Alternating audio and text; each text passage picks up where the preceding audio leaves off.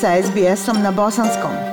Pronađite još sjajnih priča na sbs.com.au kosacrta bosnijan.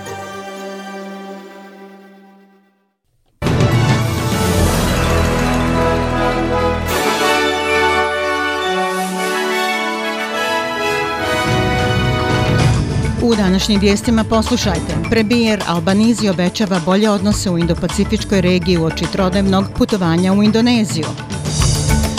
Kineski borbeni avion presreo australski vojni avion. I u sportu nada Ukrajine da može ponovno pokrenuti domaće takmičenje u futbalu. Slušate vijesti SBS radija na Bosanskom. Premijer Albanizi je rekao da je njegova vlada odlučna da ima bolje odnose širom Indo-Pacifičke regije u oči njegovog odlaska u Indoneziju. On će tokom trodnevne posjete Džakarti razgovarati o sveobuhvatnom sporazumu o ekonomskom partnerstvu Indonezija-Australije, kao i o fondu za klimu i infrastrukturu koji je predložila Australija u iznosu od 200 miliona dolara. Gospodin Albanizi kaže da je time što je već završio dva putovanja u regiju od polaganja zakletve dokazao svim Indonezijama Indonežanima da odnos njihovih nacija shvata ozbiljno. Uh, uh, Moji razgovori sa predsjednikom Vidodom bili su veoma srdačni i pozitivni. Imali smo veoma dobru diskusiju u petak. Sastajali smo se i ranije. Radujem se narednim danima. Zahvaljujem se njemu kao i njegovoj vladi da nam tako brzo poželi dobrodošlicu.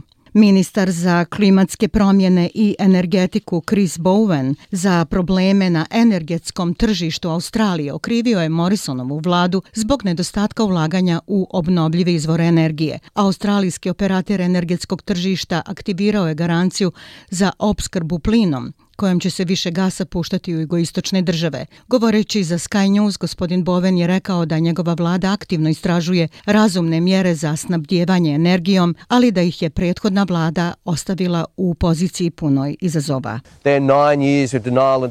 Njihovih devet godina poricanja i odlaganja loše pripremilo našu zemlju za ovu krizu. Ne krivim ih za poplave rudnike uglja ili za ukrajinsku situaciju ili probleme sa snabdjevanjem ugljem.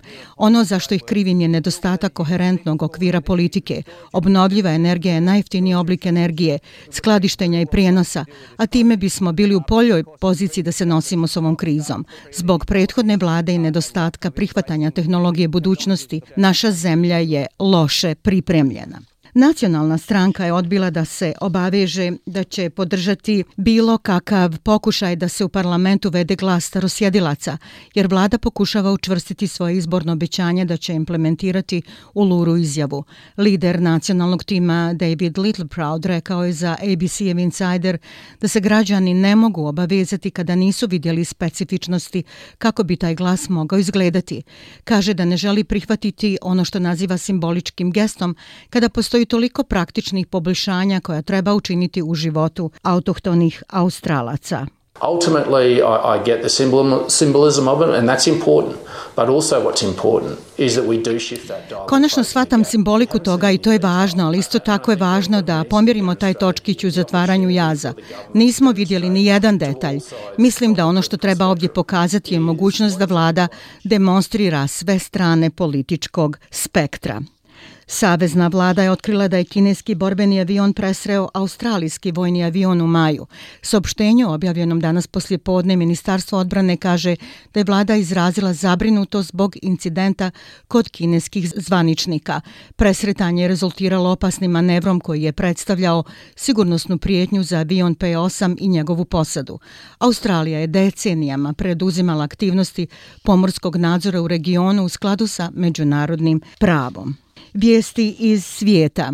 Nasljednik britanskog prijestolja, princ Charles, obratio se uživo na koncertu održanom u čast 70-godišnje vladavine kraljice. U okviru proslave platinastog jubileja na koncertu ispred Buckinghamske palate nastupili su umjetnici, muzičari iz cijelog svijeta. Kraljica Elizabeta se pojavila u naprijed snimljenom videosnimku. Princ Charles je odao počast od srca rekavši kraljici da je bila vjerni sluga i majka i porodici i naciji. You have met us and talked with us.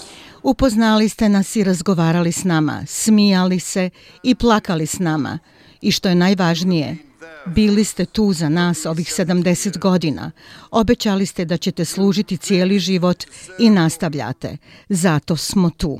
Predsjednik Ukrajine Zelenski rekao je da je Glavna crkva u Svjatohirskoj lavri, jednom od najsvetih pravoslavnih kršćanskih mjesta u zemlji, izgorjela zbog ruskog granatiranja.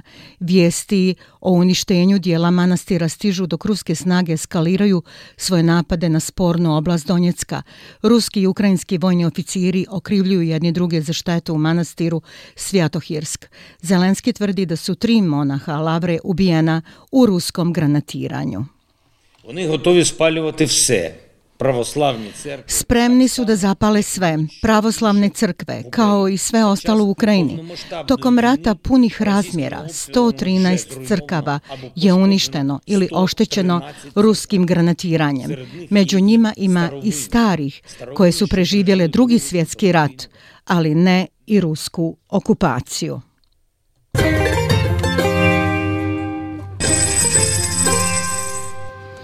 Prema kursnoj listi, australski dolar danas vrijedi 0,72 američkog dolara, 0,67 eura, 0,57 britanske funte i 1,31 bosanske konvertibilne marke. Vijesti sporta Ukrajinski predsjednik Zelenski odobrio je planove zemlje za nastavak takmičenja u futbalu. Predsjednik Futbalskog saveza Ukrajine razgovarao je sa Zelenskim kao i čelnicima FIFA i UEFA o pronalaženju sigurnog načina igranja muških i ženskih utakmica. Ukrajina je bila primorana da napusti svoje lige u februaru kada je Rusija izvršila invaziju, ali kako su ruske snage raspoređene na istok i jug, borbe su jenjale u blizini blizini glavnog grada. Postoji optimizam da se sport može nastaviti kako bi podigao duh nacije, koja se može kvalifikovati za svjetsko prvenstvo pobjedom u gostima u Velsu.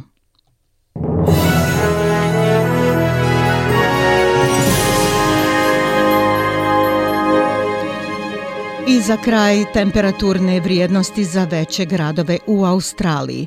U Pertu oblačno 18, u Adelaidu vjetrovito 13, u Melbourneu slično 13 stepeni, u Hobartu 13, Kamberi 12, u Sidneju djelimično oblačno 18, u Brisbaneu sunčano 21 i u Darwinu oblačno 31 stepen. Bile su ovo vijesti SBS radija na bosanskom jeziku. Ja sam Aisha Hadži Ahmetović. Ostanite i dalje s nama.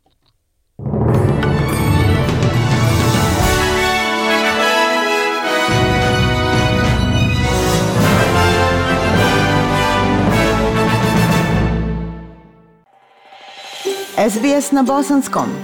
Podijelite naše priče preko Facebooka. Želite poslušati još ovakvih priča? Slušajte preko Apple podcasta, Google podcasta, Spotify ili kako god da primate svoje podcastove.